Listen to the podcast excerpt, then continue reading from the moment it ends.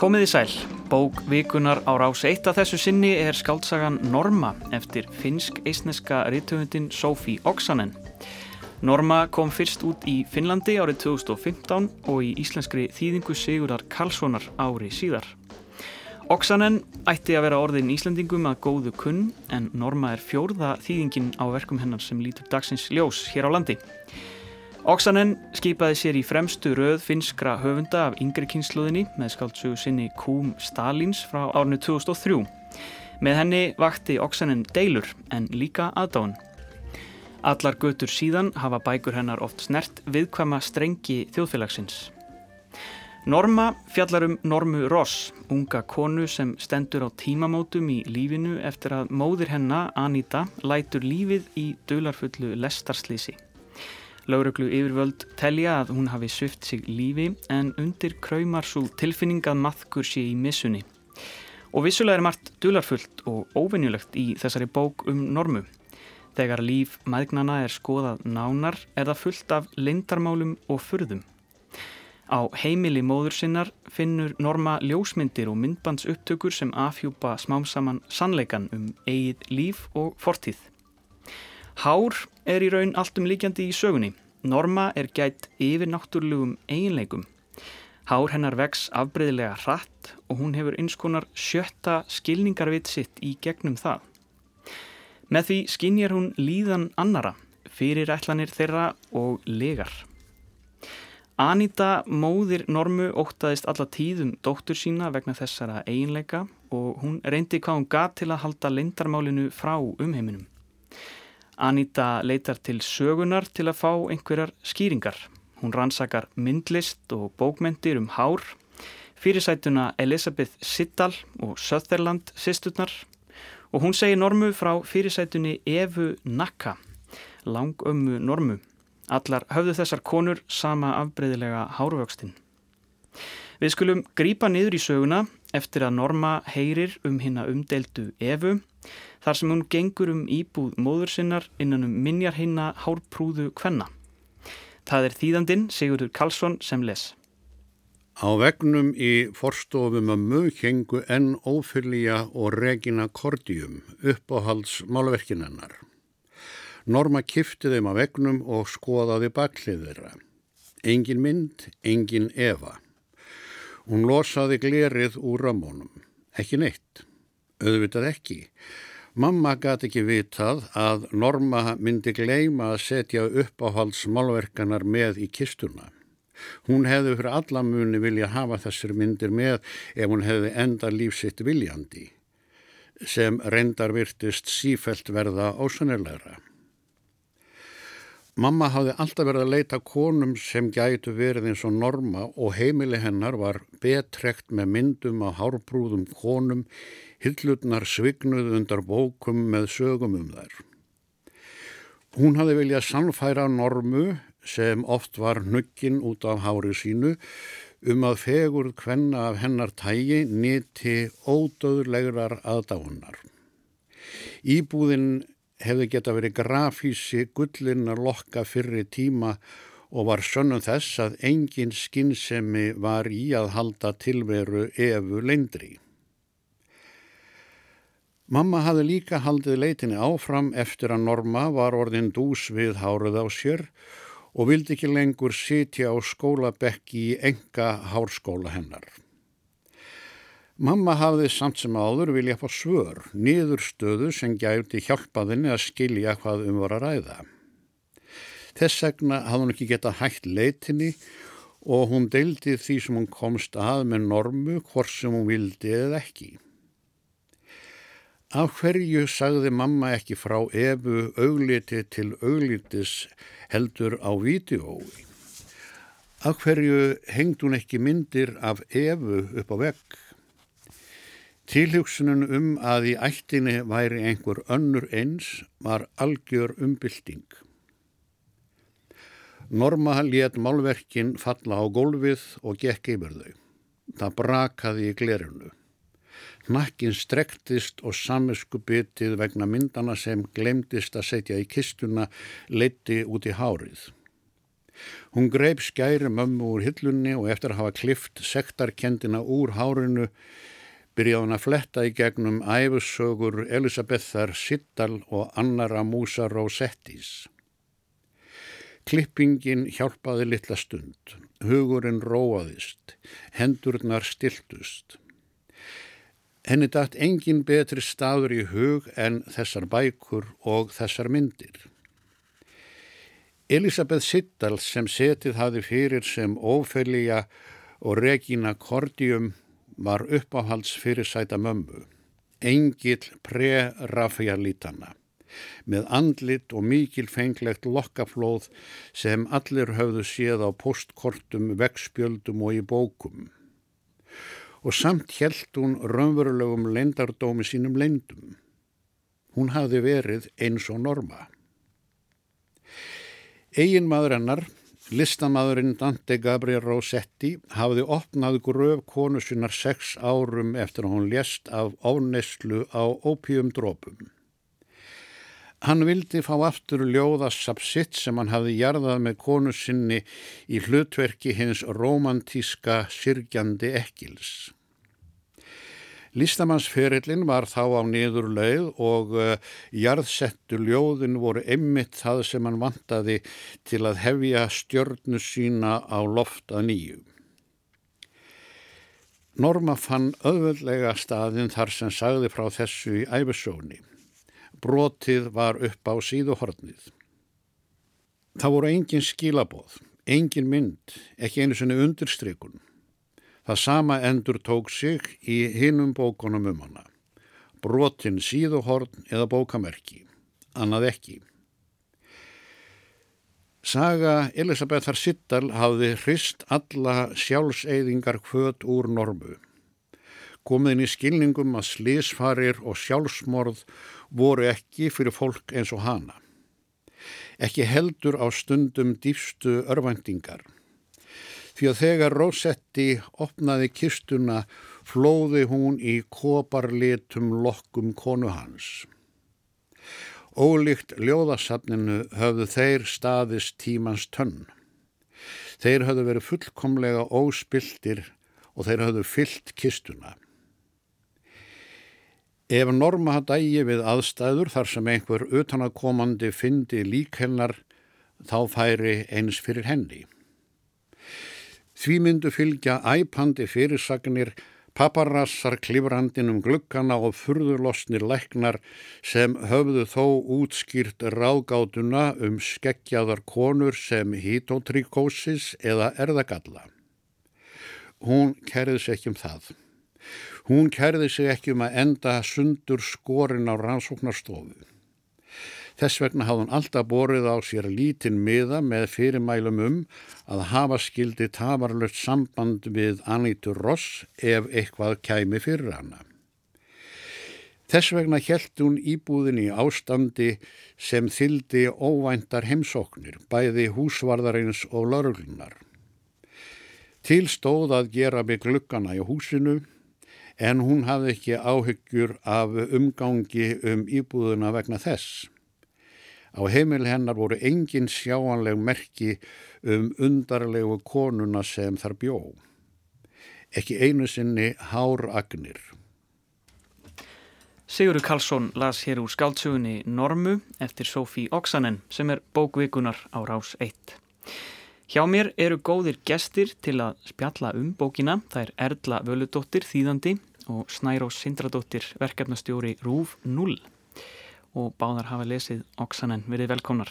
Takk. Uh, hér á svolítið mikið talað um hár og við munum svona óhjákvæmilega ræða það svolítið eftir. En, en ef við byrjum á byrjun, hérna, hún, bókin byrjar á fremur kunnulegum Oksanen slóðum. Það er hérna mikið myrkur og þetta Já, byrjar í jarðafur. Hérna, hvernig, hvernig fannst einhver svona fyrstu, hvernig voru fyrstu viðbröð? Sko maður náttúrulega byrjar að lesa bókina og heldur að hún verði kannski svona raunsari að hún síðan verður eða þú veist maður sér ekki fyrir þessi svona fantastísku element í henni Mm -hmm. að því hún byrjar svolítið svona já, hún byrja pínur reyfara kent Já, hún er svona, ég, ég hafði það á tilfinninguna að ég var að fara að lesa uh, já, einmitt, einhverja glæpasögu Já. eins og mm. reyfara glæpasögu en, en, en það er samt kannski ekkit sérstaklega líkt svona því sem að kemur frá oksanin alla jafna. Nei, uh, þannig að það kom á óvart en svo þetta tekur sagan uh, snúning. Já, en uppbyggingin er samt alveg einmitt svolítið svona eins og einhver spennum, spennusaga eða sakamálasaga. já, Þó að Það er alveg bara strax frá fyrstu blaðsíðu, maður, maður finnur að það er eitthvað, alveg, eitthvað svona skuggalegt að fara að gerast og hún hefur um þennan svona Mm. þessa spennusögu uppbyggingu sem er ekki venjulegt og þegar eitthvað eins og þú segir svona, svona fantasíu Já. hlutir koma þá, þá kemur það virkilega óvart. Já, Þannig að það, og það er heldur ekki í hennar anda. Já og, og uh, þessi fantasía hún sko ekst eila eftir því sem að álýður í bókinni. Já, þannig að maður er aldrei uh, maður er aldrei alveg viss einhvern veginn eða sko maður er aldrei alveg komin með þann heim sem er verið að bjóða bera mann að borð á hreint fyrir en bara alveg Mm, í blálókin sko. já, já. hversu miklir töfrar eru þarna verki í raun og Já, veru já.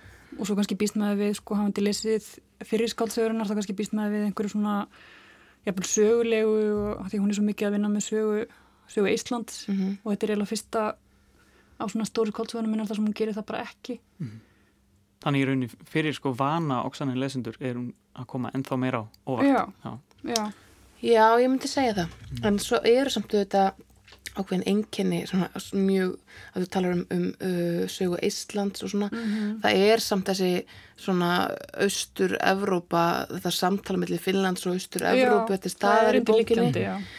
Og undirliggjandi uh, og, og um, hennar svona sín á það samtal er alltaf svolítið svona á þá, þann veg að, að Finnland sé vesturland sem að einhvern veginn sé í svolítið svona stöðu kúarans gagvart austur-Evrópu. Og austur-Evrópa hafa orðið undir í einhverjum uh, einhverjum svona einhverju tabli Já, landa einmitt. Uh, þannig að mér finnst það alveg koma skýrt fram í þessari bók líka. Einmitt og hvernig saga Íslands var svona skrifið einhvern veginn aldrei bara í gegnum þarna Sovjetríkin og fekk aldrei alveg að vera saga Európu Einmitt. í rauninni. En mér skilst að þetta sé fyrsta bókin þar sem Ísland er ekki Já, sko sögusviðið Já. eins og hefur verið í flestum bókunum. já, einmitt. En það þetta er samt einmitt þarna mörg svona svipuð þemur sem eru til staðar eins og bara, sa, þú veist, hún er að segja frá konum og örlögum hvenna og samböndum mm. milli hvenna. Hún hefur líka oftinni með áður svona kynsluði hvenna í sömu fjölskyldu og þeirra samskipti og, og sambönd, sko, þannig að það er allt til staðar. Og, og þetta er oft svona syndir mæðrana, er Já, pínu, pínu leiðarstef þarna. Og eins og uh, kom fram með þínum ingangi þá uh, er móður hennar einhvern veginn reynir að fela ástand normu mjög mikið. Og ég átti alltaf kannski erfiðast með það þegar ég las þessa bók. Ég skildi ekki alveg hvert dramað var, sko. Akkur, akkur skipti svona miklu máli að enginn viti að hárið á henni vaksi hratt. Já, af hverju er það svona ofbúslega viðkvæmt og, og það varði einhvern veginn bara svona klafi hennar að við eiga þessu móður sem vildi fela það svona Já. mikið veginn miklu frekar heldur en að en, en talar hún sjálf um það ég held ég sé ekki að, að spilla of mikið fyrir ef ég veist, hún talar sjálf um það einhvern tímúti, kannski ætti ég bara að fara að leita að öðru fólki Já. sem er eins og ég. Já, þannig að hún sjálf er ekki jafn, viðkvæm fyrir sínu ástandi eins og mamminar er. Og hún er kannski líka af annari kynslu og svona heimurinn alltaf að verða umbyrðalindari kakvart öðruvísi fólki og svoleiði sko, Einmitt. spila kannski í. En úrlausnin sko, spennan sem er fólkin í, í hérna, bókinni er úrlausnin sko hvað varðum móðurinnar, hvern, hvort Já. þetta hafi verið sjálfsmóli Já. ekki. En síðan er svona leyndamálin bara svona hrannast upp eftir því sem líður á þannig að það er alltaf einhvers konar spenna í, gang, í gegnum söguna. Já, einmitt. Og ég velti líka fyrir mér sko að því að hún finnur hérna myndbönd sem að mamman hefði tekið upp af sjálfur sér að tala. Og hún horfir á það svona í skömmtum. Eða Já. maður færið allavega í, í skömmtum og, og það er svona, akkur horfði hún ekki bara allt í einu? Það er svona uh, en, en, en það er kannski bara hluti af svona þessari Já, það er svolítið mörgum spurningum ósvarað finnst mér Já. svona í lok þeirra bókar. Er eins og þessi stóra ráðkáta var þetta sjálfsvík eða ekki? Mér varst ég aldrei fá einhvern Nei. veginn loka niðurstöðu í það. Um, hún svona gælir aðeins við þá hugmynd að móðu sín hafi verið að, bila á geði á einhvern Mhm. tímpundi en það einhvern veginn svo bara er ekkit klárað svo umræða sko. Já, þetta er náttúrulega kannski ekki hefðbundin svona einhver sakamálasaga því leiti að það er ekki mikið um svona lausnir eða en sko, já, svo er eitt sko varandi það hvað hún hvað hún er frábriðin sko hinu bókunum og þetta fantasíu elementu þetta, ég las einhvers þegar í viðtali við Sofi að hún sko hefði þegar hún byrjaði að skrifa þessa bók þá ætlaði hann ekki að skrifa skáldsögu, heldur ætlaði hann að skrifa smásögu sem er byggð á ævintýrinu um garðabrúðu Einmitt. sem er hérna í turninum með síðahárið og, og allt það og svo bara vatt þetta upp á sig og einhvern veginn varð miklu meira um sig en hún hafði ætlað sko Mhm. en það kannski svona einhverju leiti skýrir akkur þetta svona taldið mikið frábriðið hinum skáldsögunum sko. það er eitthvað sem hefur gerst Sem við lengt þessa sögu. En það er kannski það sem að mér finnst svona hæpnast í þessari sögu þar að það er persóna normu. Mm. kannski spínum synda því að hún er titilpersonan en það er sko mér finnst Sofía ekki geta ákveðið sig hvort þarna sé kona sem að lifir frjálsum ástum með einhverjum skyndikærustum sem að allir eru giftir og að þú veist, þið vitið það er svona Já. það Svona eða hvort hún sé einhvern veginn einhver fangi. Mér finnst hún ekki geta á og mér finnst, mér finnst þessi manneski ekki fara saman alltaf. Já, uh, eða hvort hún sé sko einhvern veginn glæsileg með hárið og einmitt eitthvað svona tálkvendi eða hvort að hún sé einfallega ferkar svona sóðaleg já. Ég- með flugur í hárinu Ég var svona að reyna að sjá hana fyrir mér og ég bara, það ég gata ég ekki. Það svolítið, mér finnst það veikurleikur hún á er svolítið lokuð fyrir lesandanum. Mjög og, og það er þetta er alveg tveir karakterar sko. Og annars verður sé maður einmitt garðabrúðu já, þú veist sem að er fangi í, í turni móðusinnar einhvern veginn já og hins vegar bara eitthvað, eitthvað allt aðra konu sko. En svo kannski, þú veist, svo náttúrulega er ekkert allir með eitthvað svona rosalega, svona einhvern veginn samstilta svona einviða mynd af sjálfum sér, þannig að kannski, þú veist, geti Norma sjálf hafa upplifað þannig líka að hún væri stundum einhver svona síðhergiði og stundum bara einhvern veginn hálfgett frík. Eða, Já. En Oksanin er þarna að gera einhvers konar tilraun með fantasíuna og, og svona töfra raunsægi Mm. og ég held að við ættum bara að hlusta núna aðeins á aftur eh, þýðandan og þar sem hann spjallar við Guðna Tómasson í Viðsjá. Sker hún sig frá öðru sem að Já, hún er náttúrulega, það fyrsta sem að tekur eftir er það að, eh, að Eistland kemur ekkert við sögu eins og, eins og í hinnum. Þar sem að eh, allt meira og minna gerist í Eistlandi, en það er hún eisneski aðra ættina.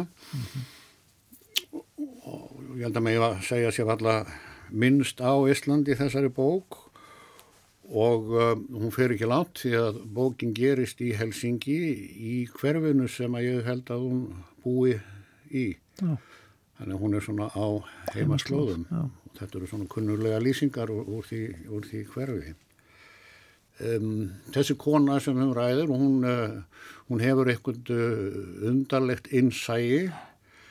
Uh, gegnum hún hefur- hárið, ekki sagt? Já, gegnum hár og, og, og, og lyktarskinn og hún, uh, hún les fólk uh, sem að, já, ég, ég er ekki tilbúin að segja það sé orðumverulegt og hárvöxturinn er, er með ólíkjendum og ég, ég komst nú, fann nú hvergi sko upplýsingar um hvað hár getur vaksið mikið á einum degi. E, þannig að hún kannski íkir það og, og ég held satt að segja því að ég fekk, eh, ég fekk sko prófurkina af bókinu og nú var, var, var komin út. Þýðendur ímsir fengu þetta senda áður. Og ég held fyrst að þetta væri bara brentvillega og, og, og um leið að bókin kom þá byrjaði ég að við að káa því hvort þetta væri rétt með að farið, hvort að stæðu, já, já, það er það og, og engi verið það að gert aðtöðasend við það. Nei, hún leifir sér svona, hún leifir sér svona ímislegt, aldrei svona frjálslega og, og svo er hún náttúrulega sama snýra þýðandanum, hún, um, hún svona notar uh, tungumálið aldrei, leikur sér aldrei að því og, og, og notar ímis uh, orð sem að mér eru skrítir minnstakosti, ég vil ekki, ekki, ekki til. Maður svona stundum að búa til orð sko. en stílinn sko já hún er, er náttúrulega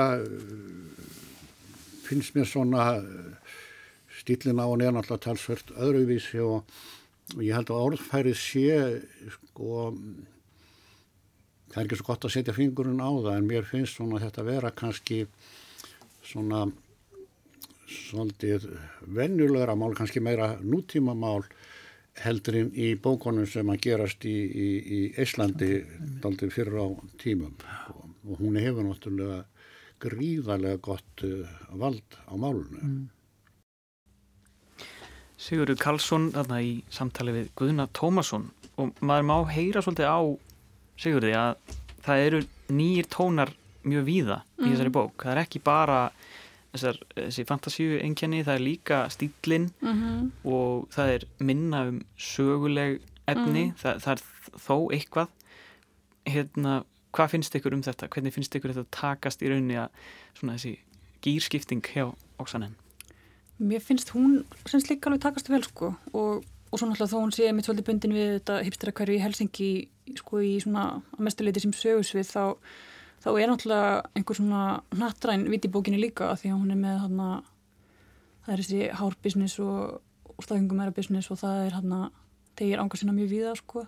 Mm. og er svolítið svona já, bara einhvern veginn aðeins svona já, nær lengra en hún hefur áður kannski svona landfræðilega. Já, ef maður rifjar aðeins upp þá er þetta í rauninni hárkreislu stofa sem rekur já, frekar vafa saman Uh, rekstur það er, hérna, það er hárlengingar og hár er, mm. er mhm. hérna fyrir kaupum og sölum Já. og svo er hérna staðgöngu maðurun mm -hmm.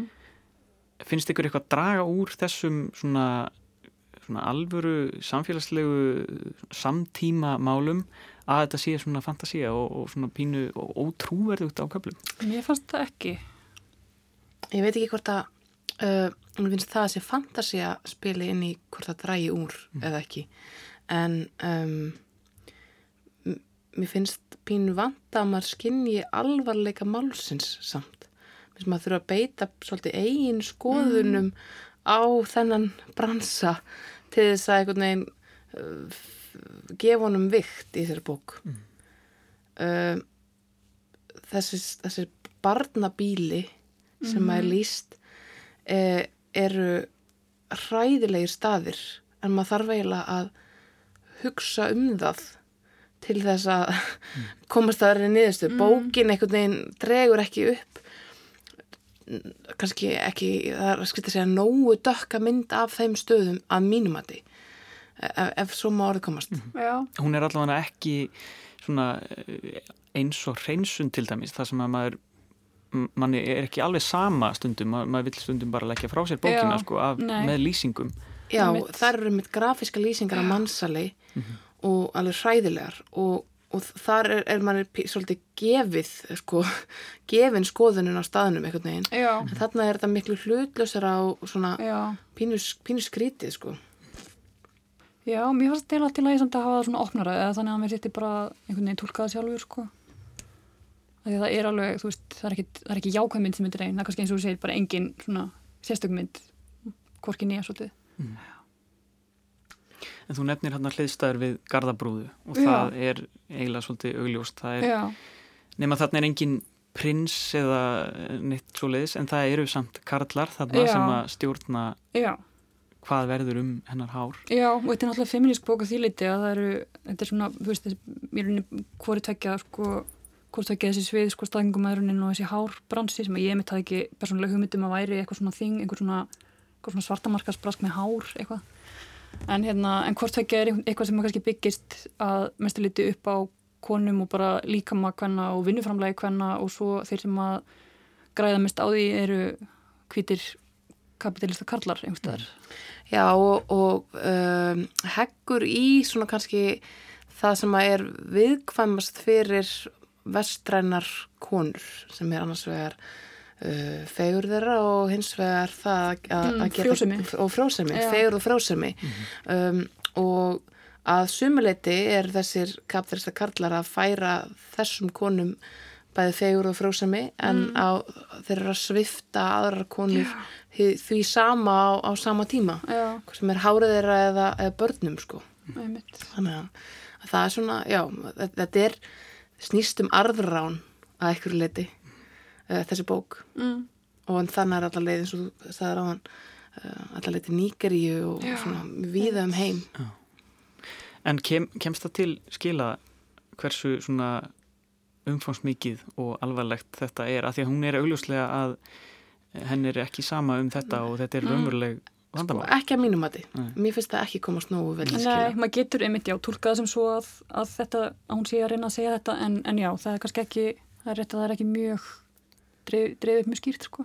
Nei, og sé maður ekki einhvern veginn þeimur meðvitaðri Já, þá held ég að maður geti bara að lesa þessa bók og, og fundist ekki um hana Já, þannig sko, já. maður þarf að vera svolítið svona einhvern veginn, maður þarf að, virkilega hafa fyrir þess að setja sér í spór þeirra sem að í þessu fólki lenda og, og það sem er kannski meira er eitthvað lýsingin á honum Lambert, hérna það ekki sem Jú. er aðal hérna glæbuninn og, Mhm. og, og hans hiski er eiginlega svona um, að ég veit Klanið. það ekki, já, klanið, þetta er einhvern veginn maður fær ekki eins og tilfinningum þetta sé sérstaklega grjótharðir glæbamenn en bransin sem þau eru í og umsöfin Já. eru það samt.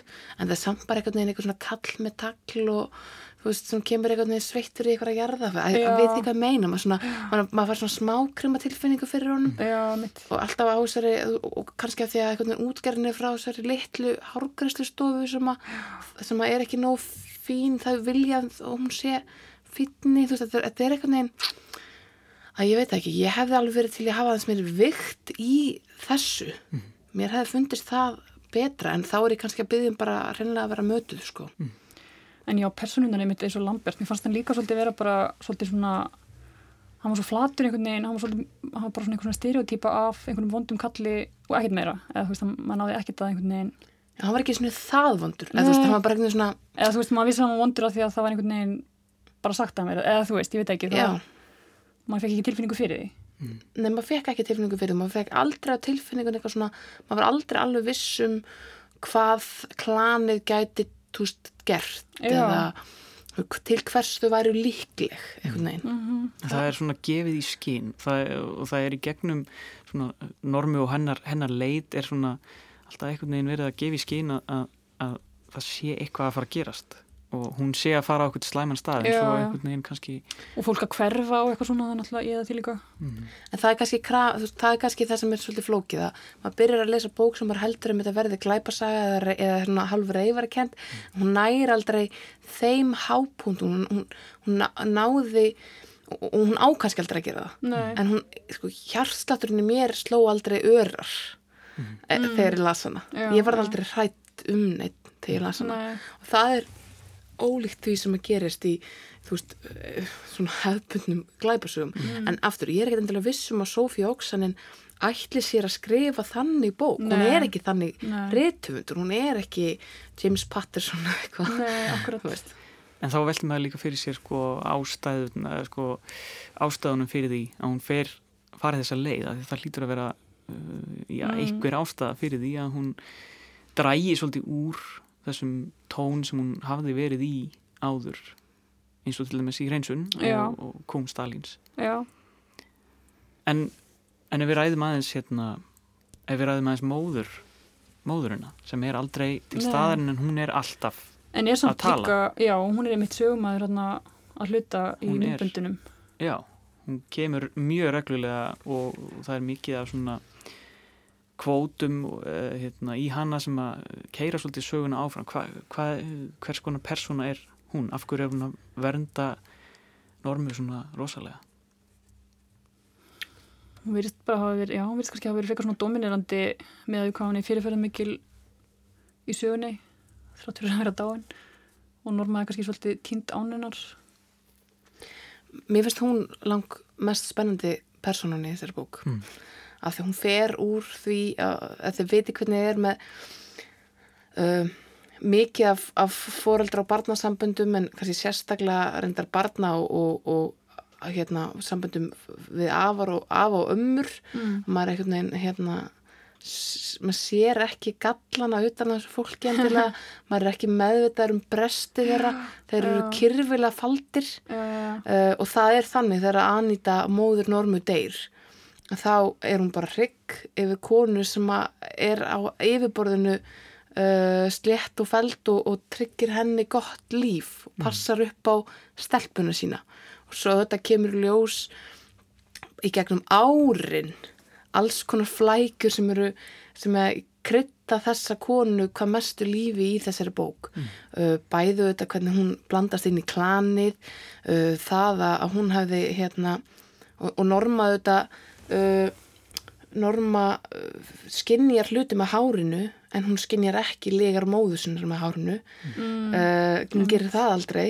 Móðurinn er tekst að svíkja hana mm, um, svo förum við ennþá lengra og þá, þá er allt í hennu komin eitthvað svona, svona, svona vímu uh, hlutar Já. þarna inni og, og Einmitt, og í og og í að geðveiki og ímslegt það er, er nú verið kannski það sem er svona skemmtilegast þetta hefur verið bara skemmtileg kona já, skilur það, maður fær það pínleika Já. tilfinninguna svona því sem að á líður og hún er þetta líka að passa dóttu sína en, en, en það er ekki og það er kannski það sem ég finnst skemmtilegast og svona uh, margbreytilegast við hennar karakter að hún er ekki bara, hennar tilgangur sem móður í sér sögur er ekki bara það að vernda barn sitt, eins og stundum verður Nei, sem að eini tilgangur móður er eitthvað neina erum einhver unga mamma að vera einhver unga mamma en hún er það ekki, hún, hún er miklu meir en það og miklu breyskar en það og, og hún á miklu fleiri það er miklu fleiri þættir við hana þú veist, hérna, eitthvað skoti í einhverjum náunga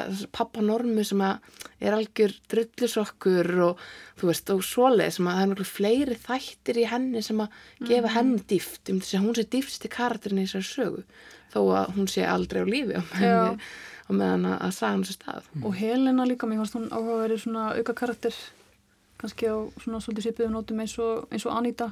Sem er fyr- fyrirverandi kona Lamberts. Já. einmitt, þannig mamma sískinana hún er einmitt svona já, við fengum það eru mjög man margar ekki- personur í þessari bók. Var alveg skýrt, var alveg skýrt í lokin hvort að hún væri enn á lífi?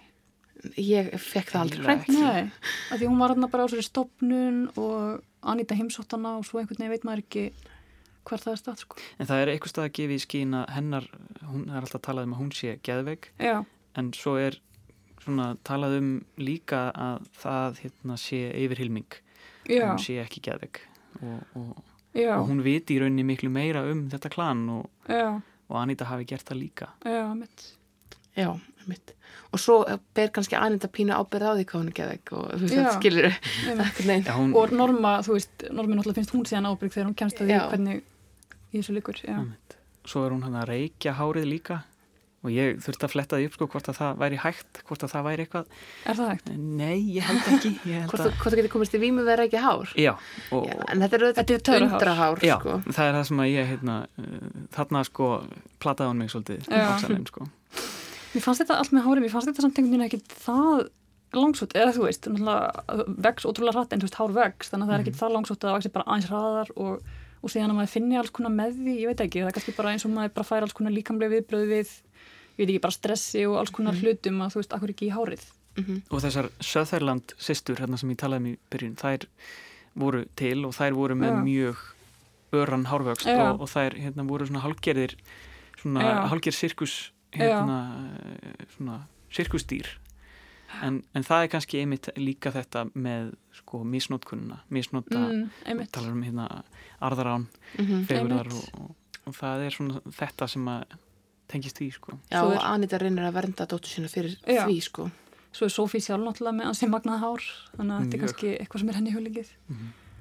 En Mér fannst, uh, eins og ég talaði um áðan, hvernig hún fer svona, að þú segir, þetta var ekkert svo langsótt, hún fer frá þeim hluta, maður átt að sjá því, jú, það er eitthvað, það er eitthvað uh, yfirnáttúrulega við þetta hár, hvað það vext hratt, eða, eða þetta er sjúkdómur, eða svona, allavega eitthvað sem við þekkjum ekki í, í raunveruleikanum. Um, ganga í ættir virðist gangi í ættir uh, en aftur það er ekkert óeðlegt að finna lyktina af því þegar fólk er stressað eða þú ert svona bara næm Já. næmur Já. eða að hafa það á tilfinningunum þegar verið að ljúga þér Já. Hvort sem það er hárið þitt sem að finnur það eða ekki.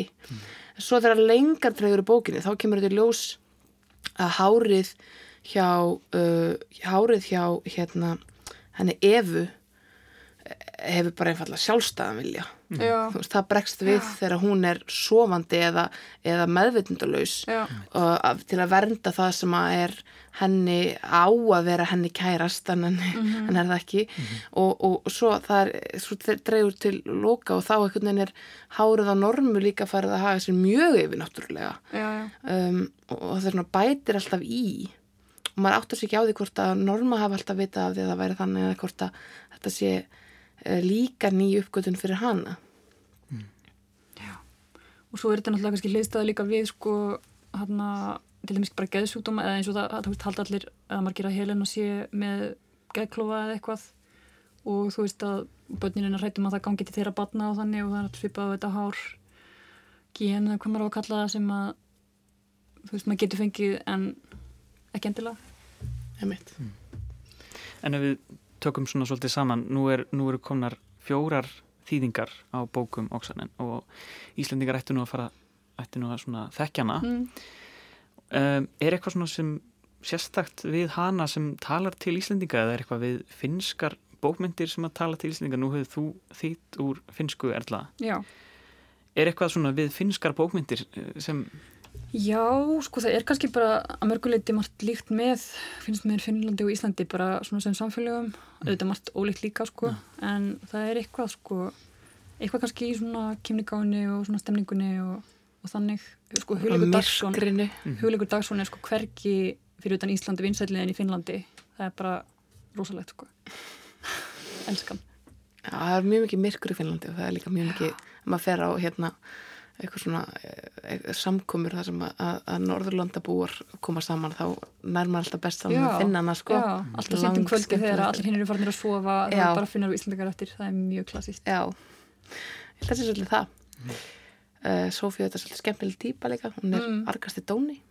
Já, Það er það sem hún er. liggur ekki á sínum skoðunum. já, og lendi nú, nú í, fór í hár saman, ef, ef ég má segja svo, Já, hérna við Lindu Blöndal frægu viðtali. já, Þannig að þetta er, hún er merkileg kona. já, en hún hefur líka einmitt, þarna, ég man eftir einhverju tilöki þar sem hún þarna, gerði allt vittlust í Finnlandi að því að hún var í viðtalið við einhvern erlendan miðal og fór að tala um sko, heimilisofbeldi sem að, að samkvæmt alltaf einhverjum rannsóknum er sko, bara alveg margtækt algengar í Finnlandi en á hinum Norrlöndunum Mm. og hún vildi fara að tala um það en svo þú veist, heim í Finnlandi þá voru allir fúlir að því að þeim fannst hún vera að varpa neikvæðli og svo Finnland í þú veist, alþjóða samfélaginu og eitthvað en, en já, mann alltaf veit af bókunum minna líka að hún svona henn er ekki samum um þetta málefni Mm. en, en já, hún er ekki mjög svona já, Hún er pólitísk. maður? hún er pólitísk og Já, hún er rampolítisk og hún er ekki mikill að vera feministi. pólitísk já. Mm Og þess að þetta kvennast yfir þetta mjög stert hjá henni. já, bara í öllu sem hún gerir sko. Mm. já. En hreinsun er að, aðgengilegust af þessum bókum, myndi ég segja. já, Það var einhver sem að ég talaði við áðan þegar ég var að, að tala um þessa bók og sagði, ég held hún hafi bara verið one hit wonder með hreinsun. Ég veit ekki alveg hvort ég sammála því, en, Nei, en hérna, hvað getur sko. þú sagt hérna þá að lokum um normu? Ef að, ef að hún er ekki one hit wonder, já er hérna, er norma góð bók? Mér finnst Nóma ekki besta bókin hennar en ég veit ekki, mér finnst hún samt mér finnst hún ekki, ekki slæmbók sko mér finnst hún hast margt í henni en það er kannski já, hún er ekki gallalaus en mér finnst hún mjög merkileg fyrir fyrir margt sko mér finnst hugmyndin mjög góð. Mm. Hugmyndin um uh, þessa síðar konu mjög góð, en mér finnst kannski framkvæmdin ekki já, alveg maður getur kannski fundið ymslega þetta úrvinnslunni Já, já. úrvinnslan er ekki einhvern veginn, já, já, ekki gallalaus. Mm. Skulum hafa þetta loka orðin. Uh, Snærós og Erla, takk hjálpa fyrir komuna. takk Og þannig ljúku við bók vikunar að þessu sinni sem að var skaldsagan Norma eftir Sophie Oksanen. Hlustendur vilja minna á að eldri þætti má finna inn á heimasíðu þáttarins rúf.is gástrík bók vikunar og í hlaðvarpinu. Takk fyrir að hlusta og veriði sæl.